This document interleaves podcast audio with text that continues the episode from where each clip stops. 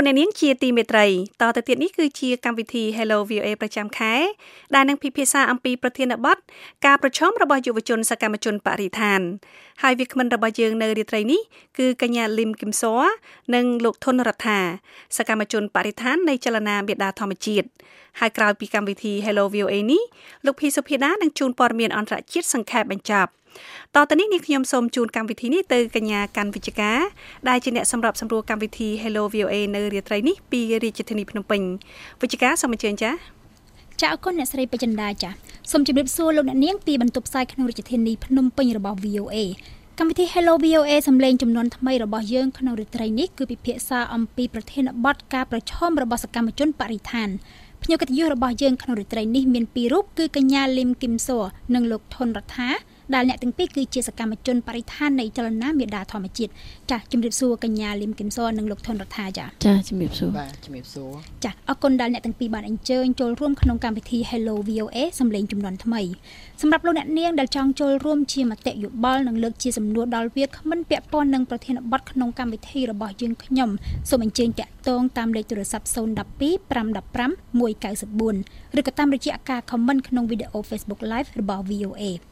ចលនានាងជាទីមេត្រី ការងារជាសកម្មជនការ ពារបរិស្ថាននៅកម្ពុជាត្រូវបានគេដឹងថាតែងតែប្រឈមទៅនឹងបញ្ហាព្រមទាំងសុវត្ថិភាពផ្ទាល់ខ្លួនដែលរួមមានទាំងការគំរាមកំហែងនិងការបដិងផ្ដាល់ជាដើមហើយក្នុងរយៈពេលប្រមាណឆ្នាំចុងក្រោយនេះសកម្មជនបរិស្ថាននៅខេត្តកោះកុងមានលោកឈុតវុធីត្រូវបានគេបាញ់សម្លាប់ចំណែកសកម្មជនបរិស្ថានមួយចំនួនទៀតត្រូវបានចាប់ខ្លួនដាក់ពន្ធនាគារដែលក្នុងនោះក៏មានទាំងវាគ្មិនរបស់យើងផងដែរចា៎ចង់ដឹងថាតើសកម្មជនបរិស្ថាននៅប្រទេសកម្ពុជាធ្វើការងាររបស់ពួកគេដោយរបៀបណាហើយប្រឈមនឹងបញ្ហាអ្វីខ្លះសូមអញ្ជើញវាគ្មិនទាំងពីរបកស្រាយសូមអញ្ជើញកញ្ញាលឹមគឹមសមុនចា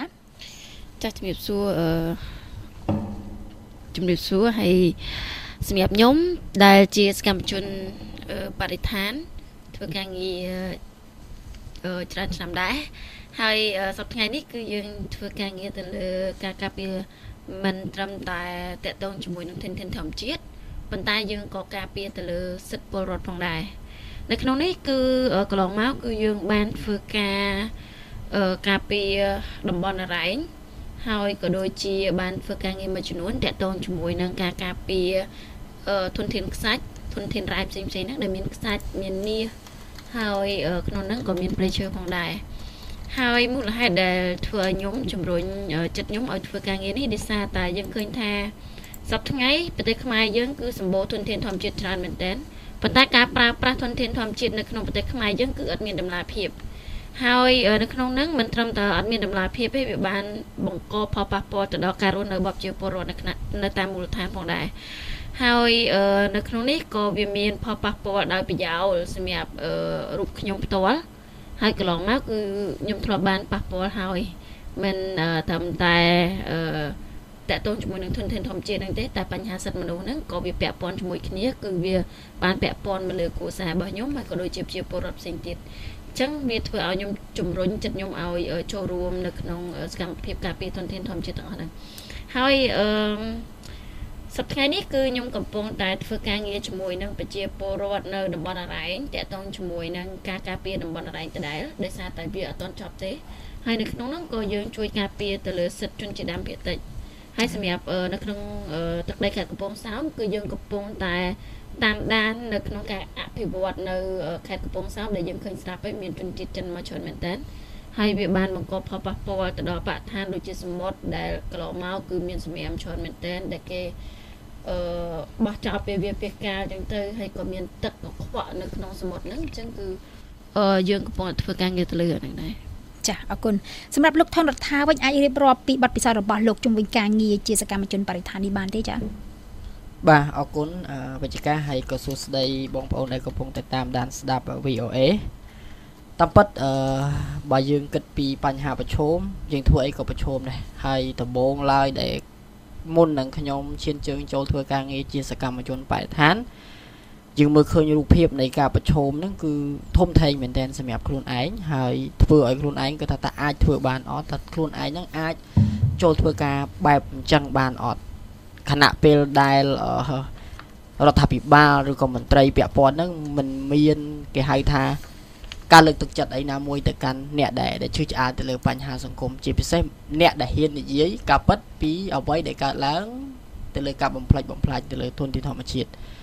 តែកន្លងមកនៅពេលដែលបានចូលរួមរយៈពេលជាង4ឆ្នាំមកនេះវាធ្វើឲ្យខ្ញុំយល់កាន់តែច្បាស់ថាអ្វីដែលខ្ញុំធ្វើហ្នឹងគឺត្រូវចំណុចហើយអ្វីដែលខ្ញុំប្រឈមហ្នឹងវាអត់អីជារឿងចម្លែកទេដោយសារតែយើងដឹងហើយថាអឺអ្នកដែលមានលុយអ្នកដែលមានអំណាចអីជាដើមហ្នឹងឃើញប្រជាពលរដ្ឋឬក៏យើងជួបផ្ទាល់ហ្នឹងគឺរោគស៊ីទៅលើបញ្ហាហ្នឹងអញ្ចឹងបើយើងធ្វើការ ដែលហ៊ានលាតត្រដាង ពីរឿងដែលគេកំពុងតែបានលុយរាប់លានដុល្លារដែលគេអាចថាប្លន់ទ្រព្យសម្បត្តិជាតិហើយយើងទៅទៅទៅលាតត្រដាងពីគេ100%គឺប្រឈមអញ្ចឹងសម្រាប់ខ្ញុំបច្ចុប្បន្នគឺអ្វីដែលប្រឈមហ្នឹងវាជារឿងដែលយើងជួបសាមញ្ញសាមញ្ញដោយប្រជាពលរដ្ឋដែលនឹងនឹងនឹងទៅផ្សារហើយទិញបន្លែយកមកដើម្បីធ្វើម្ហូបបាទ ចារដ្ឋាភិបាលសូថ្ងៃមុនមានការខាត់ខ្លួននៅភ្នំពេញដែរអាចបញ្ជាក់នឹងបន្តិចបានទេថាយ៉ាងម៉េចវិញជារឿងដែលហួសចិត្តដែលពេលហ្នឹងគឺអត់មានបទល្មើសអីទាំងអស់ដែលគេខាត់ខ្លួនខ្ញុំគឺយើងគ្រាន់តែផលិតវីដេអូដូចបងប្អូនដឹងចលនាមេដាធម្មជាតិតែងតែផលិតជាវីដេអូដើម្បីបង្ហាញលាតត្រដាងអំពីភាពអសកម្មណាមួយរបស់របបលោកហ៊ុនសែនឬក៏ចន្លោះប្រហោងណាមួយដែលតាក់ទងទៅនឹងការដឹកនាំហើយអឺយើងធ្វើវីដេអូហ្នឹងគឺយើងថត គឺថតខ្លួនឯងគឺថតខ្ញុំផ្ទាល់ដែលកន្លែងហ្នឹងមិនមែនជាកន្លែងហាមឃាត់អីទេតែអ្វីដែលយើងមើលឃើញខ្ញុំមើលឃើញគឺគេបារម្ភហាក់ដូចជាបារម្ភខ្លាំងគាត់តែយើងថតនៅទីសាធារណៈហើយយើងធ្វើវីដេអូបែបតស៊ូមតិគេភ័យរហូតដល់យោយើងទៅសួរនាំច្រើនរហូតដល់ចាក់វីដេអូយើងមើលពី3ដងរោអត់មានឃើញចំណុចណាដែលជាចន្លោះប្រហោងដែលគេអាចនឹងចោតប្រកាន់យើងបាន ហើយចុងក្រោយហ្នឹងគឺគេដកយកនៅ memory card ដែលហៅថាកាត់ចងចាំហ្នឹងអង្គចងចាំហ្នឹងដែលនៅក្នុងអង្គចងចាំហ្នឹងមានតែវីដេអូដែលយើងថតអត់ខុសនឹងច្បាប់អាហ្នឹងជាករណីដែលយើងហួចចិត្តហើយយើងថ្កោលទោសខ្លាំងមែនតើនៅក្នុងថ្ងៃហ្នឹងបាទចាអរគុណអ្នកទាំងពីរចាលោកនាងកំពុងតាមដានស្ដាប់កម្មវិធី Hello VOA សំឡេងចំនួនថ្មី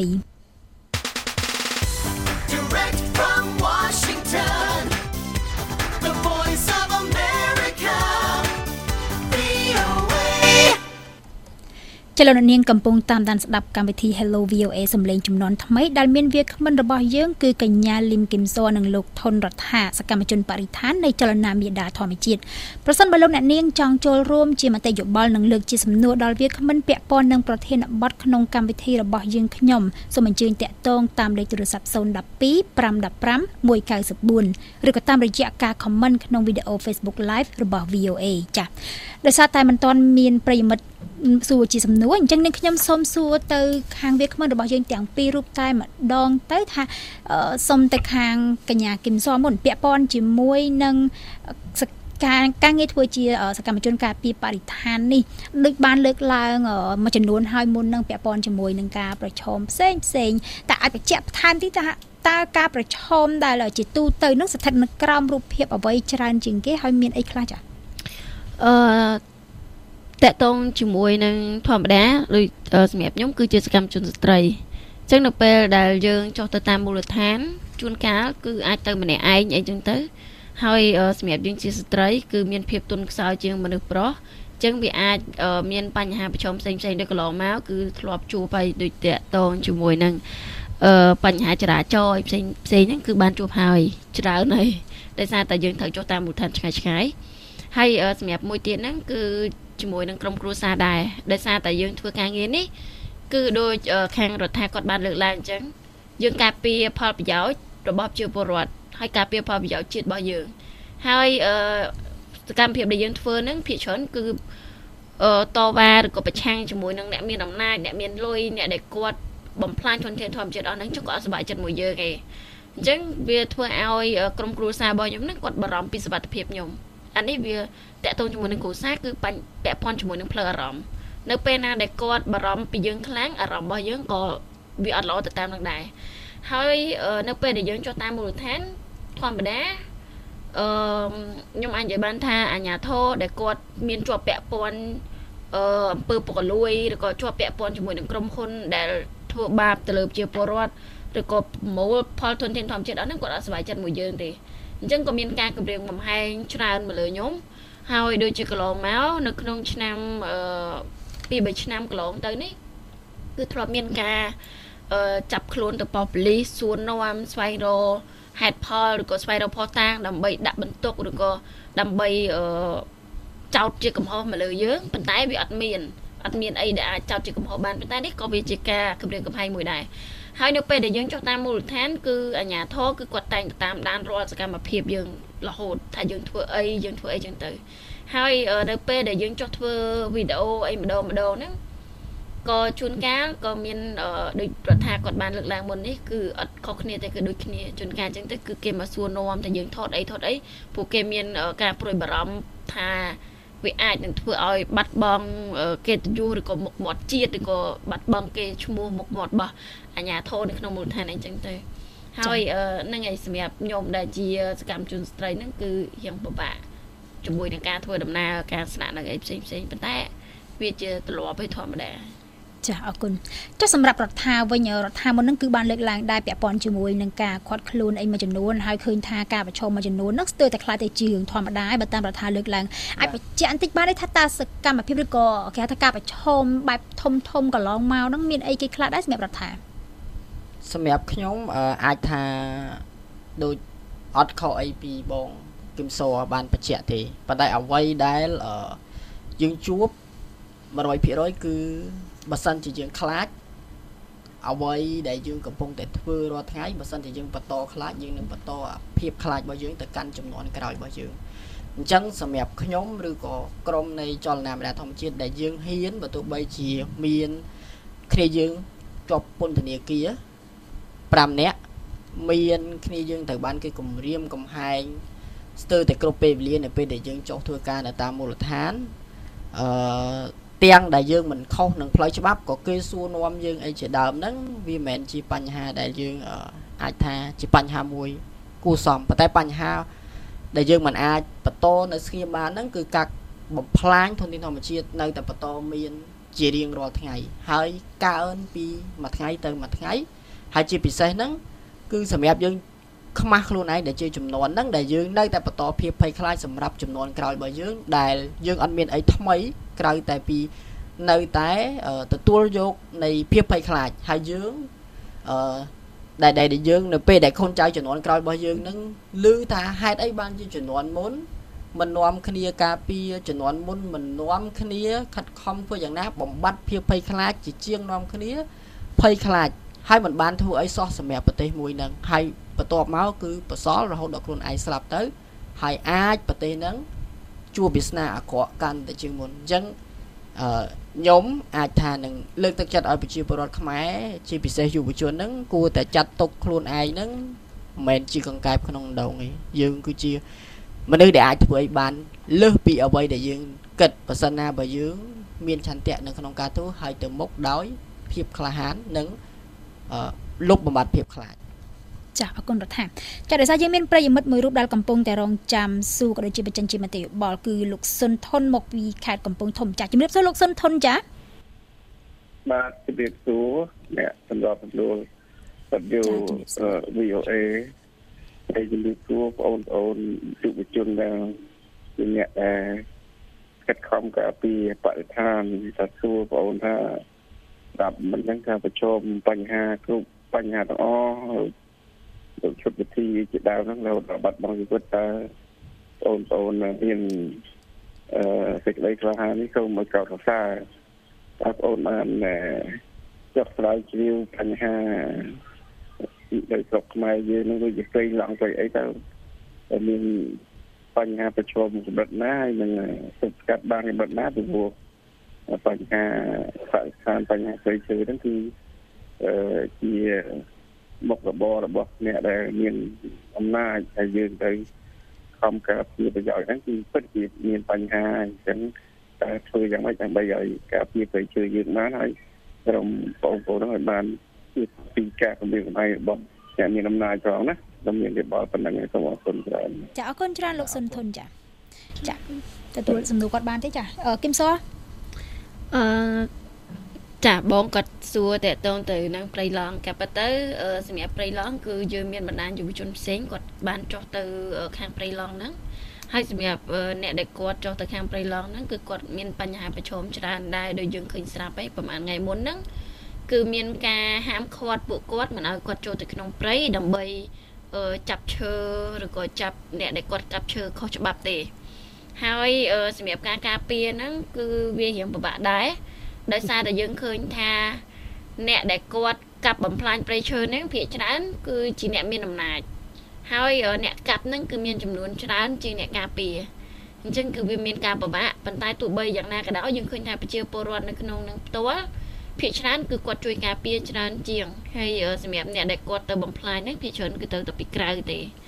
ហើយយើងឃើញហើយ បើគុំតែមានការការពារពីប្រជាពលរដ្ឋនៅក្នុងមូលដ្ឋានក៏ដូចជាយុវជនផ្សេងផ្សេងនៅពីភ្នំពេញហ្នឹងគាត់ចូលរួមជួយគ្នាទេខ្ញុំគិតថាប្រៃឡង់ហ្នឹងគឺអស់តាំងពីយូរហើយប៉ុន្តែដោយសារតែមានការជួយការពារពីពួកគាត់នឹងឯងបានយើងអាចការពារបានរហូតដល់ថ្ងៃនេះហើយអឺបើសិនជានៅតែមានការបំផ្លាញរហូតដល់សប្តាហ៍ថ្ងៃនេះទេ មិនយូរទេព្រៃឡង់ហ្នឹងគង់ទៅអស់ហើយប៉ុន្តែយ៉ាងណាក៏យើងអាចនៅការពីឲ្យបានយូរជាងនឹងបន្តិចដើម្បីឲ្យក្មេងៗជំនាន់ក្រោយគាត់បានស្គាល់ថាហ្នឹងគឺជាព្រៃហើយវាក៏ជួយពិសេសហ្នឹងគឺធម្មតាបើសិនជាយើងមានព្រៃគឺព្រៃឈើហ្នឹងគឺវាអាចជួយរក្សានៅបំរែបំរួលអាកាសធាតុអីចឹងដែរអញ្ចឹងបើសិនជាអាការដែល ការកាប់ព្រៃឈើហ្នឹងនៅតែបន្តទៀតខ្ញុំគិតថាសម្រាប់ការបំរែបំរួលអាកាសធាតុនៅខ្មែរយើងហ្នឹងក៏វានឹងមានការប្រែប្រួលនៅពេលអនាគតដែរចាអរគុណសម្រាប់រដ្ឋាសំណួររបស់លោកសុនធនមុនហ្នឹងគឺគាត់បានលើកឡើងជាឧទាហរណ៍ពាក់ព័ន្ធជាមួយនឹងប្រៃឡង់ប៉ុន្តែបើយើងមើលអំពីបរិស្ថានជាទូទៅដូចខាងរដ្ឋាហើយកំសបានលើកឡើងអញ្ចឹងគឺចលនាមេដាធម្មជាតិធ្វើការងារច្រើនពាក់ព័ន្ធជាមួយនឹងបរិស្ថានយើងមើលឃើញថាពាក់ព័ន្ធជាមួយនឹងការទប់ស្កាត់វិញតើទទួលបានកម្រិតណាដែរក្រុមការងារនោះតែពិតបើយើង បងបងប្អូនពឹងទៅទៅលើយើងប្រហែលអ្នកដែលនិយាយភាសាឲ្យកំ pl ែងទៅប្រហែលក្បាលហ្នឹងមិនដល់10ក្បាលហ្នឹងគឺអត់អាចការពារបានទេហើយក៏អឺរបបលោកហ៊ុនសែនឬក៏មន្ត្រីលោកហ៊ុនសែនហ្នឹងនឹងមិនអាចស្ដាប់ពួកយើងទេព្រោះគេអត់សូវខ្វល់ជាមួយនឹងសម្លេងយើងតិចតួចហ្នឹងទេប៉ុន្តែបើនៅក្នុងច្បាប់រដ្ឋធម្មនុញ្ញសម្បីតែម្នាក់ក៏គេទៅតែខ្វល់ដែរតែអ្វីដែលដែលគេខ្វល់ហ្នឹងគឺដូចបងប្អូនធ្លាប់បាន ចែករំលែកវីដេអូដែលយើងបានបង្ហោះជាសាធារណៈនៅតាម Facebook ហើយទៅជែកជាមួយអ្នកសារព័ត៌មានសំឡេងនៃអ្នកសារព័ត៌មាននឹងឮទៅដល់បងប្អូនប្រជាពលរដ្ឋខ្មែររាប់លានអ្នកអញ្ចឹងអាសំឡេងនៃនៃនៃប្រជាជនដែលរួមគ្នាបើទោះបីជាបងប្អូនមិនបានរួមចំណែកក្នុងការទៅស៊ើបអង្កេតចុះទៅផ្ទាល់ដោយពួកយើងមិនបានទៅសេស្រាវជ្រាវដោយពួកយើងប៉ុន្តែអាការចែករំលែកវីដេអូរបស់បងប្អូនអាការដែលបងប្អូនស្ដាប់វិទ្យុដែលឯករាជ្យ ពីសម្លេងរបស់ពួកយើងហើយបងប្អូនយកអ្វីទាំងអស់ហ្នឹងទៅនិយាយតគ្នាពីម្នាក់ទៅម្នាក់ហ្នឹងវាធ្វើឲ្យចេញទៅជាសម្លេងធំអាចទៅឧទាហរណ៍បើគេកាប់បំផ្លាញព្រៃឈើនៅព្រៃឡង់ហ្នឹងមិនមែនលឺតែអ្នកនៅព្រៃឡង់ទេហើយក៏មិនមែនលឺតែសកម្មជនដែលការពារព្រៃឈើនៅព្រៃឡង់ដែរគឺលឺទៅកាន់ប្រជាពលរដ្ឋខ្មែរជាសម្ពាធទៅកាន់របបលោកហ៊ុនសែនដើម្បីពិចារណាថាតើ ពួកគាត់គួរតែបង្ងើយកតើជាមួយនឹងការអនុវត្តច្បាប់ដូចពីមុនឬក៏ចាប់ផ្ដើមស្វាហាប់ស្វិតស្វាញក្នុងការធ្វើម៉េចឲ្យអាច្បាប់ដែលពួកគាត់មានសភាអនុម័តអីជាដើមហ្នឹងចាប់ផ្ដើមយកវាមកធ្វើការមែនតើពួកបើអត់ធ្វើទេអាចនឹងប៉ះពាល់ស្លឹកឆ្នោតឬក៏ប្រជាប្រិយភាពរបស់គាត់ទៅទៅពេលមុខទៀតពិបាកនៅក្នុងការរកទៀមទីឲ្យប្រជាពលរដ្ឋបោះឆ្នោតអាហ្នឹងគឺចុងក្រោយហ្នឹងអ្នកដែលអាចចូលរួមការពារបាន មិនបាច់ចាំបងប្អូនចូលរួមនៅក្នុងបើទោះបីជាបងប្អូនអត់មានពេលប៉ុន្តែបងប្អូនមានឱកាសគឺដៃបងប្អូនហ្នឹងចែករំលែកវីដេអូនិយាយតតគ្នាហ្នឹងគឺជាការជួយដ៏ធំបំផុតសម្រាប់ធនធានរបស់យើងដែលកំពុងតែសេសសល់តិចតួចនេះបាទអរគុណរដ្ឋាចាលោកអ្នកនាងកំពុងតាមដានស្ដាប់កម្មវិធី Hello VOA សំឡេងចំនួនថ្មី The Voice of America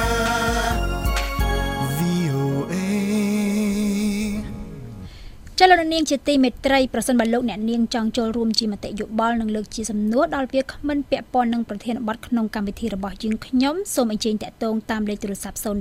515 194ឬក៏តាមរយៈការ comment ក្នុងវីដេអូ Facebook Live របស់ VOA ចា៎ដោយសារតែពេលនេះមិនទាន់មានប្រិយមិត្ត ផ្ដល់ជាសំណួរបន្ថែមទៀតអញ្ចឹងនាងខ្ញុំសូមសួរបន្ថែមទៅកាន់រដ្ឋាដដែលពាក់ព័ន្ធជាមួយនឹងការងារជាសកម្មជនបរិស្ថាននេះយើងមើលឃើញថាដោយរដ្ឋាបានលើកឡើងមុននឹងខ្លះខ្លះពាក់ព័ន្ធជាមួយនឹងការទប់ស្កាត់ការពីប្រៃឈើអីជាដើមថាតើសម្រាប់ការងារជាសកម្មជនបរិស្ថាននេះតើមានសារៈបច្ច័យបែបណាខ្លះសម្រាប់បរិស្ថានបាទបើនិយាយពីសកម្មជនបរិស្ថាន គឺជាន័យទូលំទូលាយមែនតើ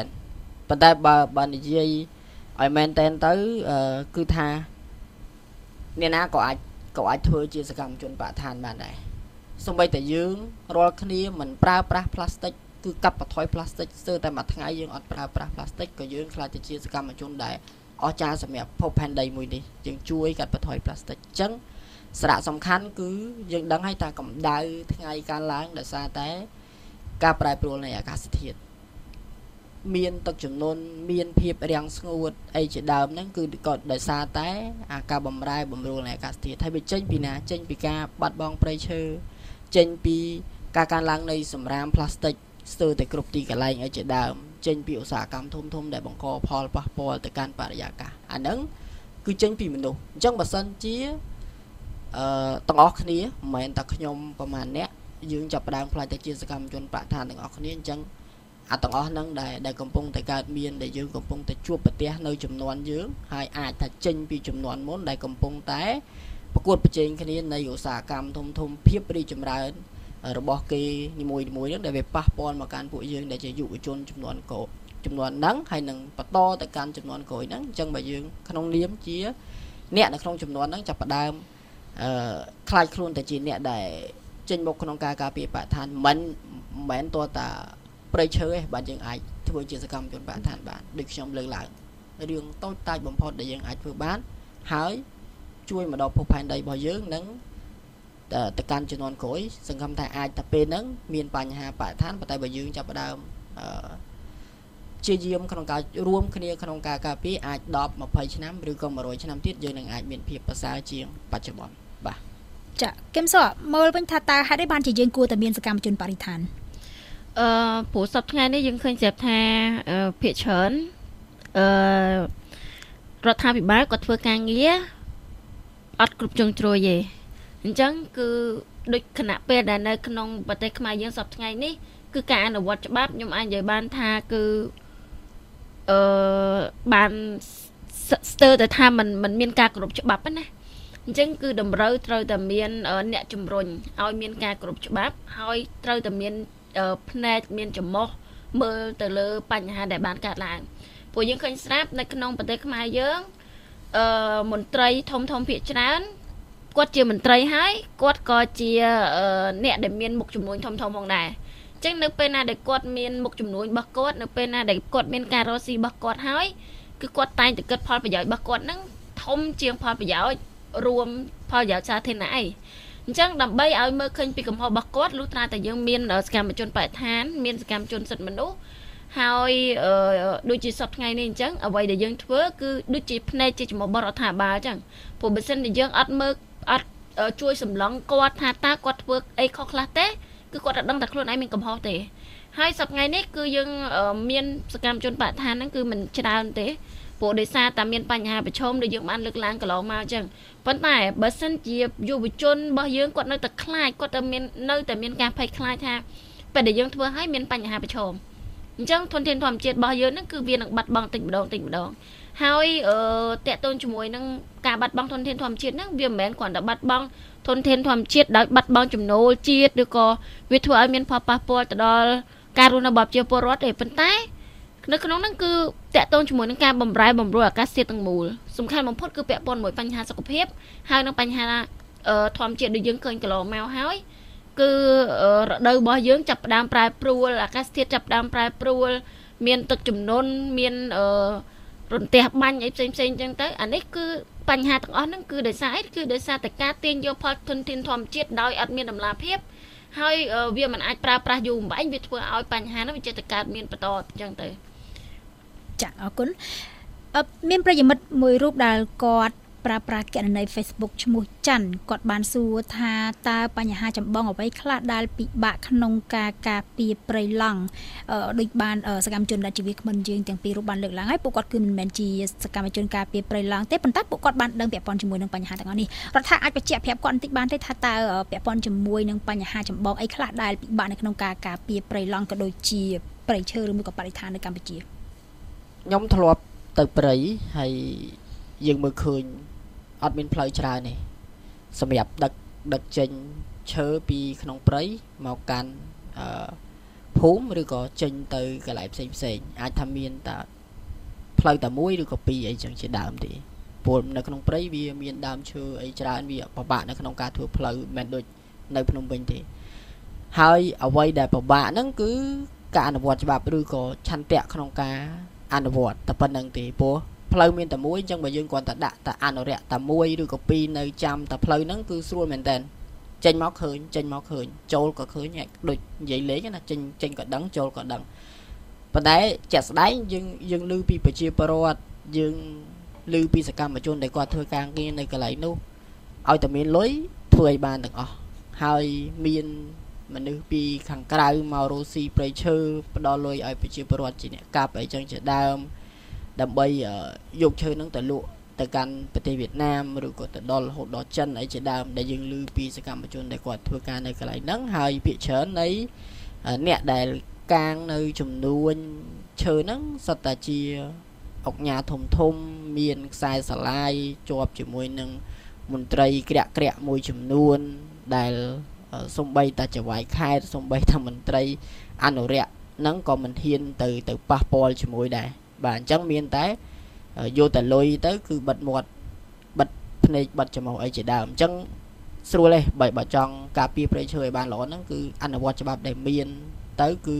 ប្រៃឈើខ្មែរនឹងគង់វង្សហើយបាទចា៎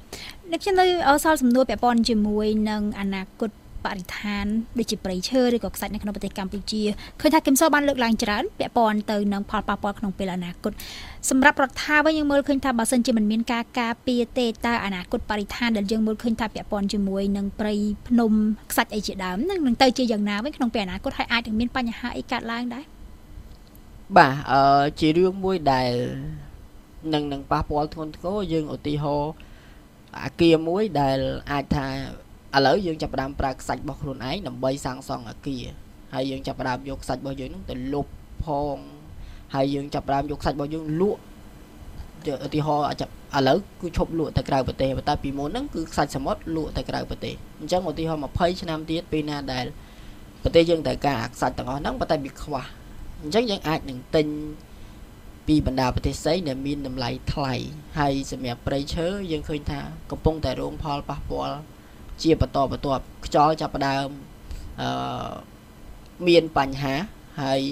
អឺភាពរាំងស្ងួតក៏ចាប់ផ្ដើមមានបញ្ហារហូតដល់កម្ពុជាកំពុងតែប្រកាសភាពអាសន្ននៃភាពរាំងស្ងួតអាចនឹងមិនមានទឹកអឺសម្រាប់ខែប្រាំងរយៈពេលវែងហើយនឹងអាកាសធាតុដែលពីមុនព្រៃឈើឬក៏ដីមួយចំនួនហ្នឹងធ្លាប់តែមានជីវជាតិហ្នឹងចាប់ផ្ដើមខ្សោះរហូតដល់យើងចាប់ផ្ដើមប្រជាពលរដ្ឋខ្មែរភាគច្រើនបោះបង់អារបរកសិកម្មហ្នឹង ធ្វើការចំណាក់ស្រុកទៅក្រៅទៅក្រៅប្រទេសដើម្បីរកអីផ្សេងអាហ្នឹងគឺជាបញ្ហាដែលកំពុងប្រឈមហើយបើសិនជាយើងនៅតែបន្តឬក៏យើងម្នាក់ម្នាក់មិនខ្វល់ជាមួយនឹងបញ្ហាហ្នឹងទេវាអាចនឹងធ្វើឲ្យបញ្ហាទាំងអស់ហ្នឹងចាប់ផ្ដើមវិវត្តទៅវិវត្តទៅរហូតដល់យើងពិបាករស់នៅនៅក្នុងប្រទេសយើងដែលពីមុនគេហៅថាដែនដីសវណ្ណភូមិឥឡូវវាបន្តិចទៀតហ្នឹងវាលេងខ្លាចទៅជាដែនដីសវណ្ណភូមិវាខ្លាចទៅជាដែនដីដែលមានតែបញ្ហាដោយសារតែ អាកាសធាតុប្រែប្រួលបាទចាសូមអគុណកញ្ញាលឹមគឹមសនិងលោកថនរដ្ឋាដែលជាសកម្មជនបរិស្ថាននៃចលនាមេដាធម្មជាតិចានេះខ្ញុំសូមបញ្ចប់កម្មវិធី Hello VOA សំឡេងចំនួនថ្មីតែត្រឹមនេះហើយបើមានកំហុសឆ្គងដោយអចេតនាណាមួយនាងខ្ញុំនឹងវាគ្មិនសូមខន្តីអភ័យទោសពីប្រិយមិត្តសម្រាប់ពេលនេះនាងខ្ញុំសូមជម្រាបលានិងសូមជូនកម្មវិធីបន្តទៅសហការីក្នុងបន្ទប់ផ្សាយនៅរដ្ឋធានី Washington